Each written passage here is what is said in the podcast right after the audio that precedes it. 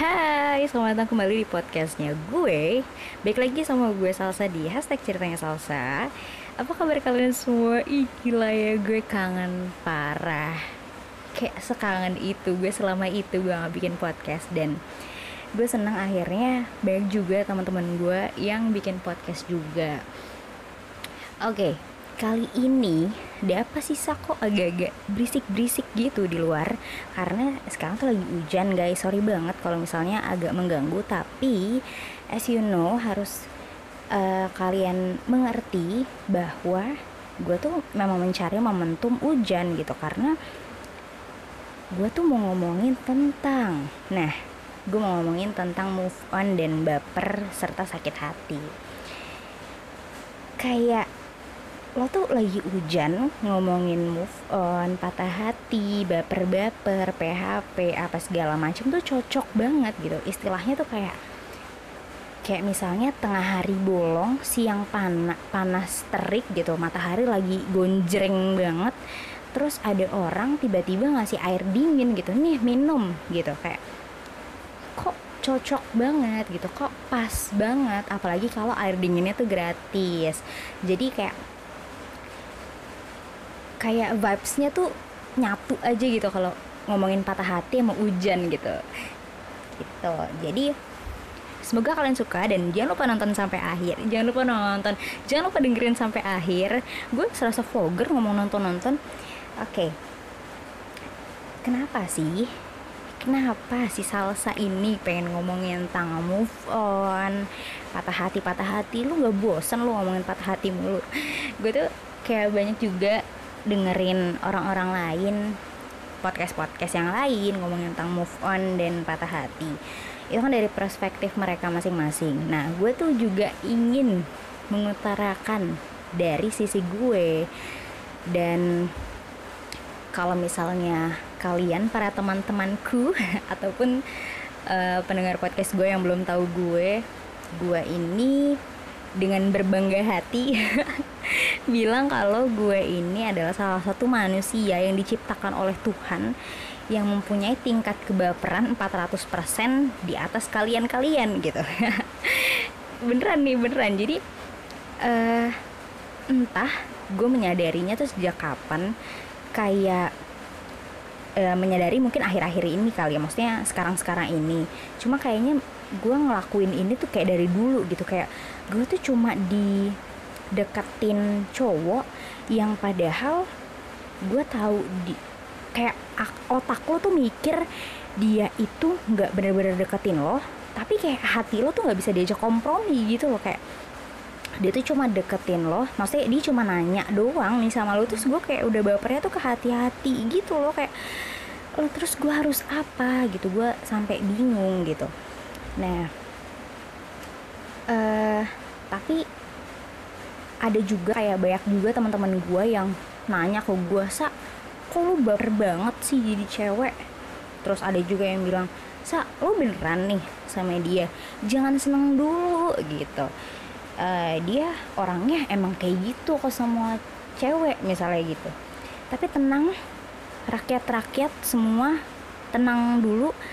Kalau gak cuma cewek-cewek aja nih yang sering merasakan kebaperan. Gitu karena gue juga di satu sesi pernah ngobrol sama teman gue yang cowok. Gitu. Gue ceritakan segala macam ah gue kayaknya baperan deh anaknya cuma di deketin gini doang. Terus gue langsung kayak aduh baper banget dia ngilang. Terus gue yang kayak nyariin banget kayak gitu-gitu terus si temen gue yang cowok ini tuh bilang jangankan lo sebagai cewek gitu. Gue aja sebagai cowok cuma ditanyain yang kayak jangan eh, cuma diingetin gitu kan yang kayak jangan lupa makan atau jangan tidur kemalaman besok kuliah pagi. Itu sih itu yang kayak mikir masa sih dia suka sama gue? gitu. Yang kayak jadi jangan disamaratakan ya teman-teman. Kalau baper itu hanya menyerang kaum cewek aja gitu dari kebaperan ini timbullah Nah, ini paling benci gue. Timbullah yang namanya PHP. Apa itu PHP? Pemberi harapan palsu. Nah, gue benci banget ngomongin PHP, tapi ya mau gimana lagi gitu. Saya adalah korban PHP yang keseringan gitu loh kayak teman-teman gue yang sering gue curhatin tuh kayak bosen banget gitu loh. Lo di PHP-in lagi? Kayak sampai ditanya segitunya gitu loh kayak oke okay, salsa lo deket sama ini? Yakin deket? Gak di PHP-in lagi kan? Gue tuh kayak udah bosen banget gitu dapat pertanyaan kayak gitu. Dan uh, banyak juga orang-orang yang mikir kalau PHP ini hanya terjadi di kalangan uh, maksudnya yang sering PHP ini tuh adalah cowok. Jangan salah juga teman-teman kalau si cewek-cewek sebagian cewek-cewek ini juga ada sebagai oknum-oknum PHP gitu. Dah, yang gue pikir-pikir selama ini sampai kemarin itu gue bikin kayak polling gitu di Instagram gue. Kalau bagi kalian yang uh, orang-orang yang pernah nge-PHP-in atau ya mungkin kasarannya gitu kali dibilang ya pernah nge-PHP-in itu kalian itu PHP itu karena emang niat PHP pilihannya satu itu A M PHP atau B nggak sengaja gitu. Kasusnya beda ya kalau misalnya yang emang sengaja PHP ya emang dia players gitu kan. Kalau misalnya yang nggak sengaja PHP kayak itu perbedaannya jauh banget gitu loh. Kayak uh, emang seng emang pengen deket nih misalnya. Ini ini ini logika yang gue tangkep ya. Kayak misalnya si cowok pengen deketin si cewek nih. Misalnya kita pakai nama aktor aja kali ya atau artis gitu. Uh, Dilan sama Milea aja gimana? Oke okay. misalnya si Dilan ini emang pengen deketin Milea. Terus um, deket deketin ya Dilannya intens misalnya chat atau telepon atau apa gitu.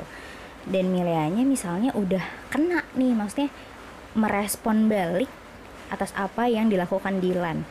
Kemudian giliran udah makan, udah diajakin jalan makan, misalnya sampai nonton, tapi mungkin itu statusnya masih HTSan karena atau gebetan lah ya, karena emang belum pacaran. Kemudian diajak lah nih nongkrong bareng sama teman-temannya Melia atau teman-temannya Dilan.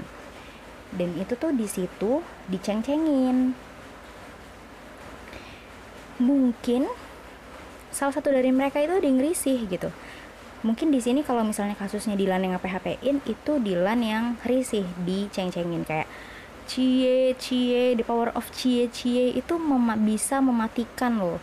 Kayak bisa ngebuat ngejauh gitu. Misalnya si Dilan ini risih terus yang kayak males banget dile apa males banget ketemu Milea karena males untuk diceng-cengin.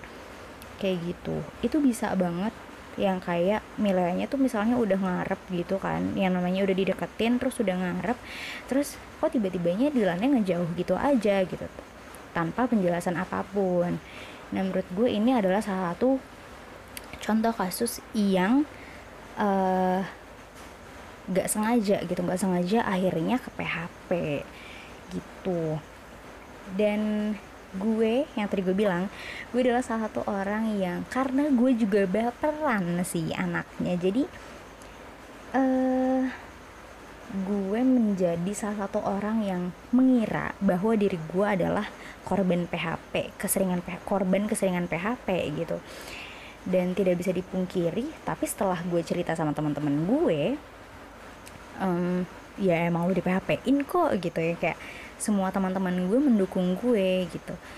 Uh, entah dengan cerita dengan karakter yang gue bangun atau emang hmm, emang kejadiannya kayak gitu gitu kan. Nah karena di banyak kasus yang ada di gue itu kalau misalnya PHP itu hmm, menurut gue kalau misalnya itu PHP tuh yang kayak lo tuh udah bilang nih misalnya uh, Sal aku suka nih sama kamu gitu. Kamu juga suka nggak sama aku? Terus kalau misalnya gue jawab iya suka terus next step selanjutnya adalah gue merasa bahwa hubungan kita, chat-chat kita, telepon-telepon kita, video call-video call kita selanjutnya adalah kita sebagai gebetan atau at least kayak PDKT-an sebelum pacaran gitu loh. Dan gue juga nggak ngarep lo bakal bilang selalu mau pacaran sama gue nggak? Enggak selama kayak gitu terus sampai akhir sampai nanti nanti pun gue nggak masalah gitu. Terus uh, yang kasus PHP kalau di gue ya kalau di gue kita udah yang kayak video call, teleponan, chatan sampai akhirnya gue ngerasa kok PDKT-an gue ini kaku banget gitu. Karena PDKT-an gue itu yang kayak lo tuh nggak bisa ngobrol receh gitu. Sedangkan gue anaknya receh parah gitu. Eh, nggak uh, bisa ngobrol yang kayak kamu suka ya apa gitu. Maksudnya lo suka otomotif kah? Atau lo suka uh, arsitektur? Atau lo suka masak juga sama kayak gue gitu atau apa gitu. Nggak bisa ngobrolin hobi ngobrolin uh, gosip-gosip yang kayak gitu-gitu. Gue biasanya kalau misalnya nggak ya ya kayak ngobrol sama teman-teman tongkrongan lo aja gitu loh. Kayak biasa lah di tongkrongan apa sih gosip? Ngobrolin apa sih yang lagi hits di Instagram kayak gitu-gitu. Yang saya ngomongin itu yang receh-receh. Nah sedangkan gue sama orang ini tuh nggak bisa. Jadi itu gue kayak motor otak gimana nih caranya supaya chat gue dibalas. Dan gue tuh kayak semikir itu gitu. Karena gue kayak masih ingin terus berkomunikasi dengan orang ini gitu. Sampai akhirnya gue nanya nih kayak udah di titik terberat gue kontekkan sama dia itu gue ngechat uh, jadi sebenarnya kita tuh gimana sih? Kok gue ngerasa kalau kita tuh PDKT tapi kok serius banget? Gitu kayak gue nggak tahu lo siapa gue nggak tahu lo gimana gitu. Sedangkan menurut gue kalau misalnya kita PDKT itu itu salah satu waktu di mana lo tuh bisa memperkenalkan siapa diri lo gitu ke pasangan lo. Nah nanti dijajakinnya itu waktu pacaran. Jadi cerita-ceritanya waktu PDKT nah kalau dilakuinnya itu pas pacaran. Itu menurut gue ya. Gue ada yang setuju sama gue ada yang gak setuju sama gue. Terus dia bilang gini sa inget kan waktu itu aku pernah bilang aku suka sama kamu. Kamu juga bilang kamu suka sama aku. Iya gue bilang kayak gitu itu sekitar tiga atau empat bulan yang lalu gue bilang gitu. Iya betul. Dia bilang kayak gitu. Terus lalu gue bilang apa kelanjutannya? Gue gituin. Kata dia hmm, aku cuma bilang suka. Ya udah aku cuma suka sama kamu. Udah gitu doang. Terus yang kayak gue memak terus gue sampai nggak bisa memaknai yang kayak ya terus lo selama ini ngapain teleponan sama gue? Lo ngapain chatan sama gue sampai malam? Gitu. Terus lo ngapain video call gue? Video call gue pas ada orang tua gue kayak apa? Gitu. Maksudnya gue tuh nggak ngerti gitu kan yang kayak oh, ya udah deh kayak gue nggak bisa nih lanjut lagi nih sama orang ini. Menurut gue itu adalah salah satu PHP yang menurut gue lumayan parah sih tapi ada yang lebih parah daripada itu mungkin teman-teman yang lain punya cerita yang lebih menyakitkan PHP-nya daripada gue. Gitu. Nah ada juga nih kayak lo PHP aja tuh ngelupain itu susah gitu. Ada tuh temen gue yang kayak gitu kayak lo kenapa ya? gitu. Galau banget kayaknya. Iya nih gue gue udah deket nih sama orang ini gue udah deket nih dia tuh gebetan gue gitu tapi gue di PHP in eh gila ya gue tuh udah ke mana-mana sama dia apa segala macam sama dia. Kayak fase-fase PD fase-fase pacaran lo dihabiskan waktu PDKT sedangkan waktu PDKT belum pacaran tapi udah ditinggal gitu. Yang kayak segalau itu loh gitu. Nah kayak waktu waktu PDKT atau waktu di PHP-in aja lo move onnya segitu susahnya gitu. Apalagi pas pacaran coba. Jadi dia tuh sampai nanya yang kayak gimana sih caranya move on? gitu.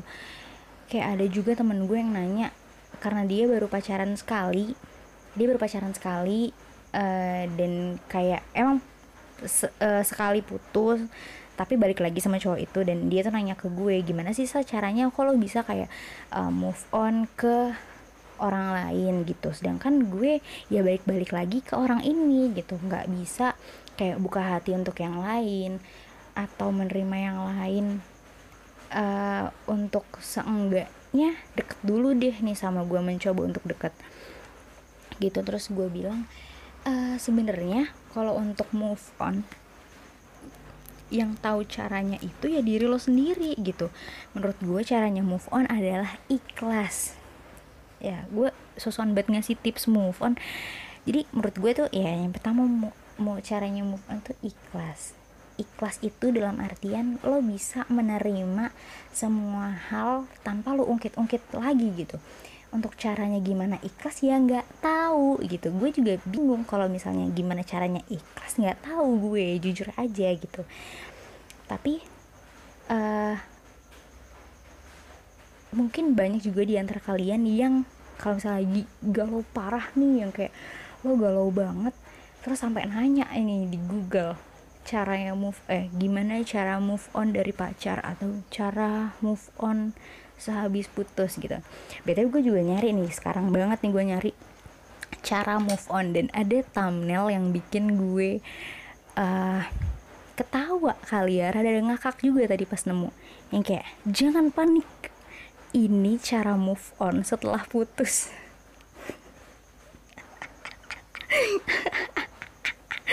Gila gila gila. Maksudnya gini tujuh kan ini kan tipsnya ada tujuh. Lima dari tujuh tuh sama intinya. Yang kayak lo harus cari aktivitas lain biar lo nggak sibuk. Jadi uh, menurut gue kalau misalnya cara move on tuh lo yang tahu sendiri gimana caranya untuk membuat diri lo itu lupa gitu. Sebenarnya nggak lupa sih maksudnya melupakan kepahitan-kepahitan yang terjadi uh, saat berantem berantem sama pacar kayak gitu-gitu. Sama pacar sama mantan. Nah itu. Nah lanjut lagi ya. Misalnya nih ini adalah sedikit tips. Tips nih dari podcastnya Kaan Katama kalau kalian yang belum tahu kan Katama itu adalah MC kondang jagat raya. Yang kayak hits banget gitu. Kalau kalian tahu Reza Candika Radini waduh itu satu geng tuh mereka. Jadi Kak Anka Tama dan suaminya itu bikin podcast juga yang ngomongin tentang relationship dan biasanya ngomongin relationshipnya yang berkonten setelah menikah gitu. Enggak juga sih cuman yang kayak ada sedikit yang lebih vulgar vulgar gitu. Nah kalau tips dari mereka itu kayak ada sedikit tips untuk uh, sedikit melupakan kepahitan-kepahitan saat kamu putus. Sakit hati sakit hati kira-kira bisa nih dilupain. Sedikit dilupain dengan cara-cara ini. Yang pertama berhenti atau stop pakai barang-barang dari mantan oke okay. untuk tips yang pertama ini menurut gue sedikit benar cuman kalau misalnya lo emang anaknya kayak raya banget nih jadi kayak oh gengsi ini gue nggak mau lagi nih pakai pemberian dari dia gitu kayaknya gue bakal uh, kenapa-napa nih kalau misalnya gue pak masih pakai pemberian dari mantan tapi menurut gue kalau untuk kalian yang ya mau gimana lagi? gitu. Gue kalau nggak dikasih sama dia juga kayaknya gue nggak punya barang itu gitu. Contohnya aja misalnya balik lagi ke Dilan sama Milea ya. Misalnya Milea itu pas Dilan ulang tahun kasih dompet misalnya. Atau sepatu deh. Dompet aja kali ya. Kayak sepatu tuh lo tanpa dikasih kayaknya juga udah punya gitu. Kalau dompet nggak semua orang pakai dompet gitu. Misalnya dikasih dompet. Terus si Milea tuh bilang ini dari aku ya disimpan ya ini buat kamu gitu. Dikasih kan akadnya tuh dia ngasih. Setelah setelah kalian putus tuh lo yang kayak aduh gimana ya gue sakit hati nih sama dia gitu sama ya tapi kalau gue nggak pake terus gue gimana dong? Gue gak ada dompet nih gitu. Kalau menurut gue kayak lo jangan pikirin uh, kenangan-kenangan pahit bersama dirinya gitu. Yang lo harus pikirkan adalah keadaan diri lo. Jadi kalau misalnya lo kaya raya gengsi bodoh amat deh lo mau mau buang kayak mau diapain kayak mau kasih orang kayak tuh barang bodoh amat gitu kan. Tapi kalau misalnya lo emang uh, ya gue makan mau makan enak dikit aja tuh mikir gitu kan. Kayak harus menyesuaikan budget banget nih gitu mau makan. Ya lo yang perlu diingat adalah kebaikan dia memberi lo dompet cukup. Tidak usah diembel-embeli dengan mengingat mengingat uh, kenangan-kenangan bersama dia gitu. Jadi kayak sedikit bisa melupakan kalau nggak dipakai tapi kalau misalnya nggak dipakai tapi gue nggak punya gitu. Kalau dipakai sakit hati jadi ya menurut gue caranya untuk menghilangkan sakit hati pas make barang itu ya ya kayak lo ingatnya oh makasih ya lo udah gara-gara lo nih gue juga jadi punya nih barang ini gitu. Udah cukup gitu. Nggak usah ditambah-tambahin hal-hal yang lain gitu. Lalu yang kedua menghindar dari tempat-tempat yang bisa mengingatkan momen-momen bersama mantan. Nah ini nih bahaya juga nih satu tips ini nih. Jadi uh, misalnya gue deh gue gue waktu zaman SMA dulu kayaknya tempat tempat yang kayak mengingatkan atau tempat favorit gue sama mantan gue tuh kayaknya blok M deh Cile blok M. Kan blok M? Kayak semua anak-anak muda jaksel dulu waktu tahun 2012 sampai 2015an iya nggak dari 2012 juga sih kayak. Kayak dari 2009an gitu sampai 2015an gitu kayak Blok M tuh masih jadi salah satu destinasi favorit anak muda Jakarta Selatan loh waktu itu gitu. Dan uh, salah satu tempat favorit gue juga kalau misalnya pacaran di Blok M yang kayak kalau kenapa kayak yang paling cocok dengan kantong itu blok M karena mau main ke PIM lo isinya Sogo terus yang kayak mahal-mahal semua metro kayak gitu-gitu. Terus yang kayak gancit bar mall baru pada saat itu dan yang kayak mahal-mahal semua juga dan mallnya kegedean gitu capek bu jalan gitu kan. Kayak jadi blok M aja deh gitu. Nonton dulu masih 25 kan. Nonton masih 25 20 25-an terus sekarang sekarang sih pasti udah naik sih kalau di Blok M sih. Ya pokoknya tempat favorit anggaplah Blok M. Terus misalnya waktu lagi ngumpul sama teman-teman lo lagi bukber nih misalnya. Yang kayak uh, sa ayo dong kita bukber. Di mana? Di blok M. Aduh gue nggak bisa nih kalau ke blok M. Kenapa? Soalnya blok M tuh tempat favorit gue sama mantan gue. Ya kalau gue jadi temen lo sih misalnya kayak gue tahu sih kayaknya kalau misalnya lo sampai jawab kayak gitu gitu. Karena gue kayak uh, lo harus membuka pikiran lo kalau blok M tuh bukan cuma tempat lo sama mantan lo gitu. Lo harus open minded aduh berat nih bahasanya. Lo harus positif minded.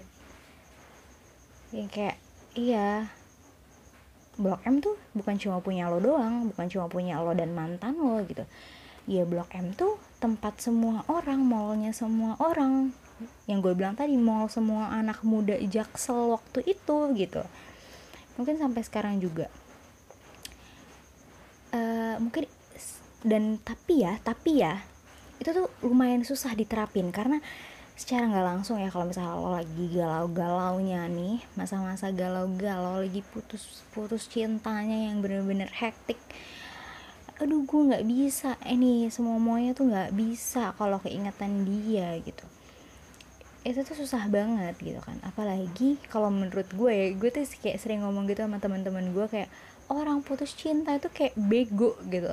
Lo diomongin apa aja tuh nggak percaya gitu. Lu diajak ke mana aja nggak mau makan nggak mau pokoknya maunya nangis aja nangis sambil ngestalk gitu kan. Itu menurut gue penting. Jadi kayak lo harus menanamkan pikiran kalau oh iya ini tuh tempatnya siapa aja siapa orang siapa pun bisa nongkrong dan menjadikan in, tempat ini sebagai tempat favorit mereka gitu. Bukan tempat favorit lo dan mantan lo aja gitu. Tapi beda kasus kalau misalnya uh, gini ada juga kan yang pacaran zaman SMA belum punya motor nih. Tapi tetangga bukan tetanggaan kayak satu jalan gitu satu satu jalur nih ke sekolah. Sekolah dekat atau satu sekolah tapi satu jalan terus mereka pacaran kayak berangkat sekolah tunggu tungguan naik angkutan umum panas-panas tapi seru gitu kan. Terus kayak kalau misalnya lo putus tuh kayak aduh gue nggak mau deh lewat jalan ini. Kayak kayak semua kenangan lo pas lewat tuh kayak semua kenangan lo tuh kayak flashback tiba-tiba gue tuh pernah gini di jalan ini gue tuh pernah ngobrol ini kayak semua itu tiba-tiba keingetan gitu. Gue apa-apa deh muter jalan yang jauh gitu sekalian. Daripada gue harus lewat jalan itu dan gue keingetan lagi gitu sama dia.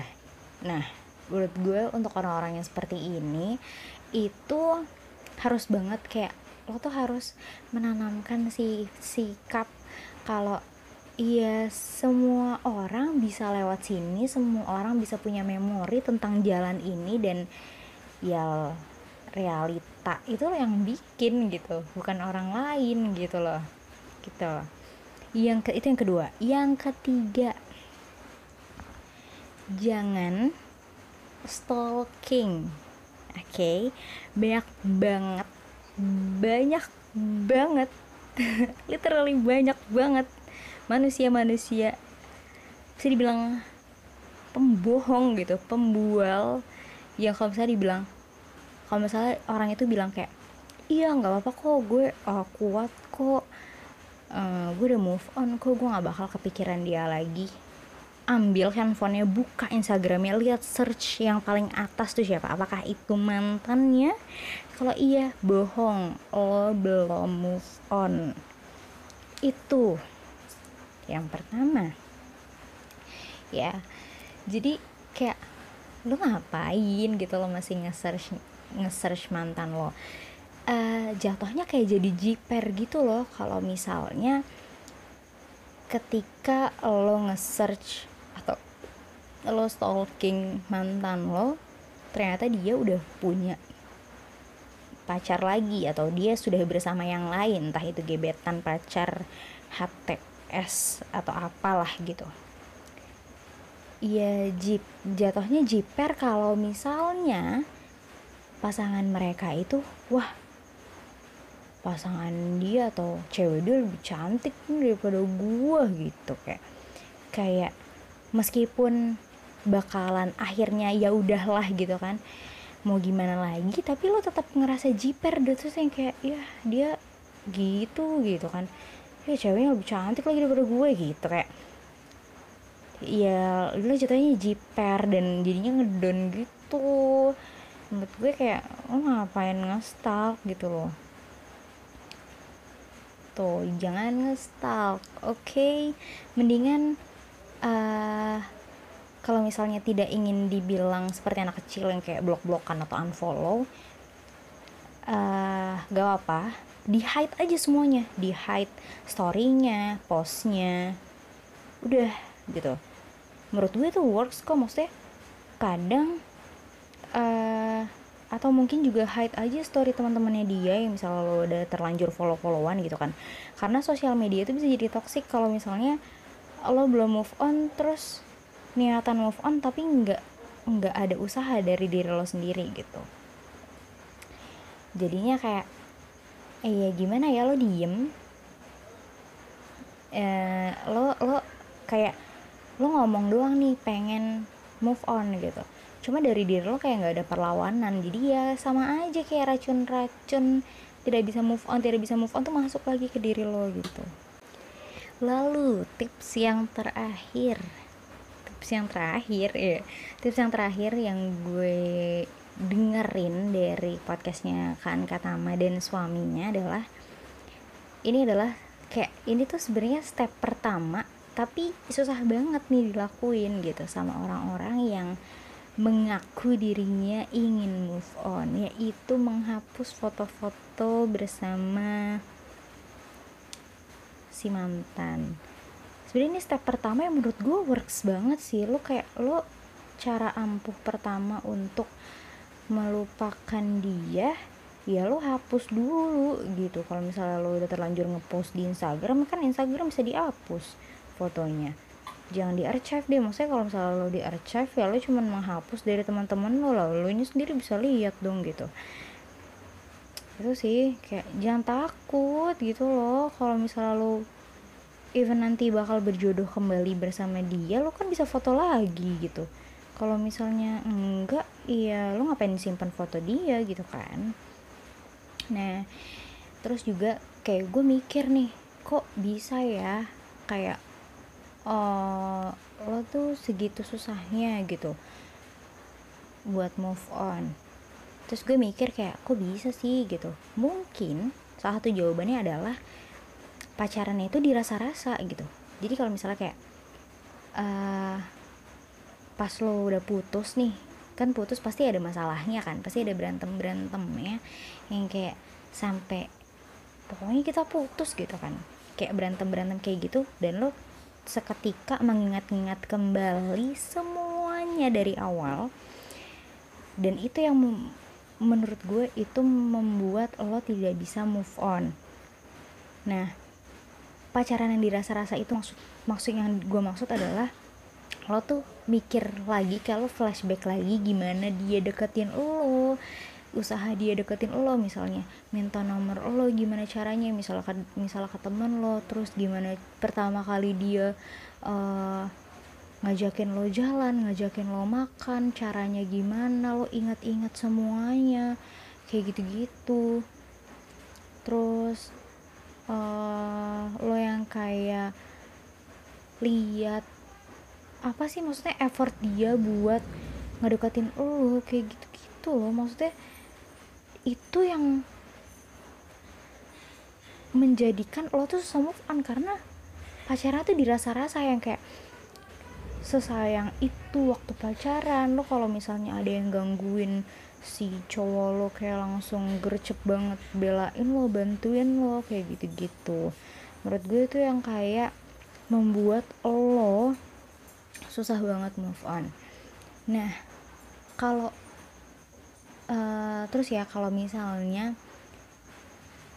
kayak lu abis putus nih terus kayak mantan lo tuh cepet banget sih dapet pacar. Terus kan kayak di dalam hati di dalam otak di dalam pikiran lo tuh kayak awas aja gitu. Kayak nanti gue bakal buktiin gue bakal punya pacar yang lebih keren daripada lo yang lebih ganteng daripada lo yang lebih kece daripada lo gitu kan. Lo nggak bakal nih bisa dapet cewek yang lebih cantik daripada gue kayak gitu gitu kan. Itu kan pas yang kayak lo tuh semangat semangat itu kan kayak semangat lo tuh mantep banget nih. Lo kayak lagi emosi lo membara banget gitu kan. Dan menurut gue itu tuh gak apa-apa lo kayak gitu karena lo tuh bisa mengalihkan itu kan sebenarnya kan rasa kesel karena ngelihat si doi udah punya pasangan baru kan. Yang kayak lo mikir kok bisa sih dia secepat itu? gitu.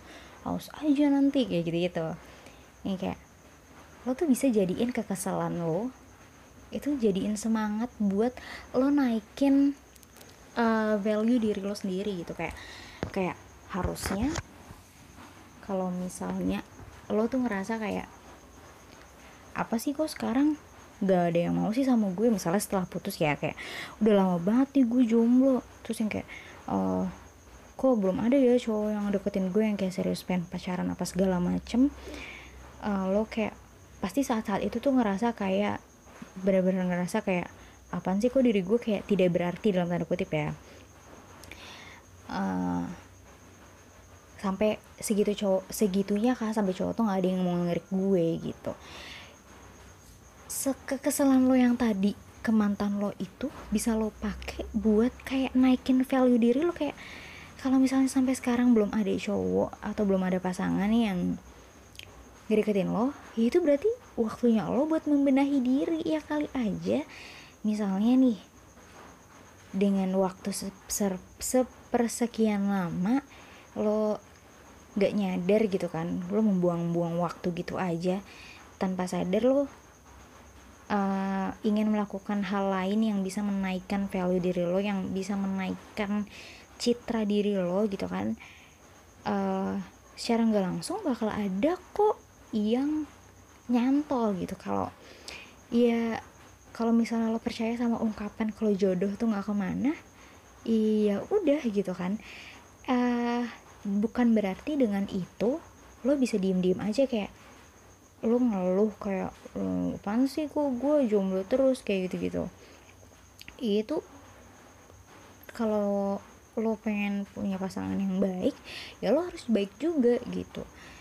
Karena itu penting sih menurut gue kayak lo menaikkan citra diri lo dan itu nanti bakal baik lagi untuk diri lo juga gitu loh kayak mantul gitu loh ke diri lo kayak lo nggak sia-sia gitu. Misalnya dulu lo anaknya bukan maksudnya yang gue maksud tuh bukan value yang kayak lo harus pintar lo harus menang olimpiade apa gitu enggak sih. Maksudnya yang kayak misalnya lo anaknya anaknya dulu nggak percaya diri banget gitu.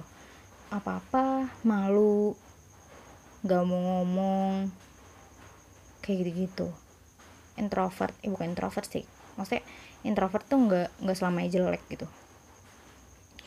Soal anaknya nggak percaya diri gitu kan. Terus uh, dengan sepersekian waktu karena lo kayak udah kesel banget nih yang kesel tadi kayak gue harus buktiin nih gue bisa dapet yang lebih keren. Secara nggak langsung semang eh kekesalan lo itu ketika lo jadiin semangat itu bisa menaikkan value lo misalnya value lo yang tadinya lo nggak pede jadinya lo pede. Dengan cara apa? Ya itu baik lagi ke diri lo masing-masing gitu. Jadi udah lama ya ternyata ngobrolnya. Gila lama banget. Ini gue ngoceh sendiri aus lo bu. Mohon maaf gitu. Iya pokoknya untuk kalian yang sedang patah hati, yang sedang sakit hati, yang sedang merasa baper-baper, merasa di PHP-in, ngerasa susah move on, semangat, kalian pasti bisa. Oke, okay? uh, eh, mungkin kayak lo juga mikir kayak apaan sih nih orang ngomong mulu? Gitu. Lo bisa nggak ngaplikasiin dalam di, di diri lo juga gitu. Eh, nggak uh, munafik emang susah. Cuman yang kayak ya lo harus nyoba. Kalau lo nggak nyoba ya gimana bisa tahu gitu. Oke jangan lupa mencoba dicoba biar kalian tahu hasilnya gimana. Dan semangat kalian pasti bisa selalu berpikiran positif supaya aura positif terpancar di diri kalian. Dan terima kasih sudah dengerin sampai detik ini. Aduh love you so much.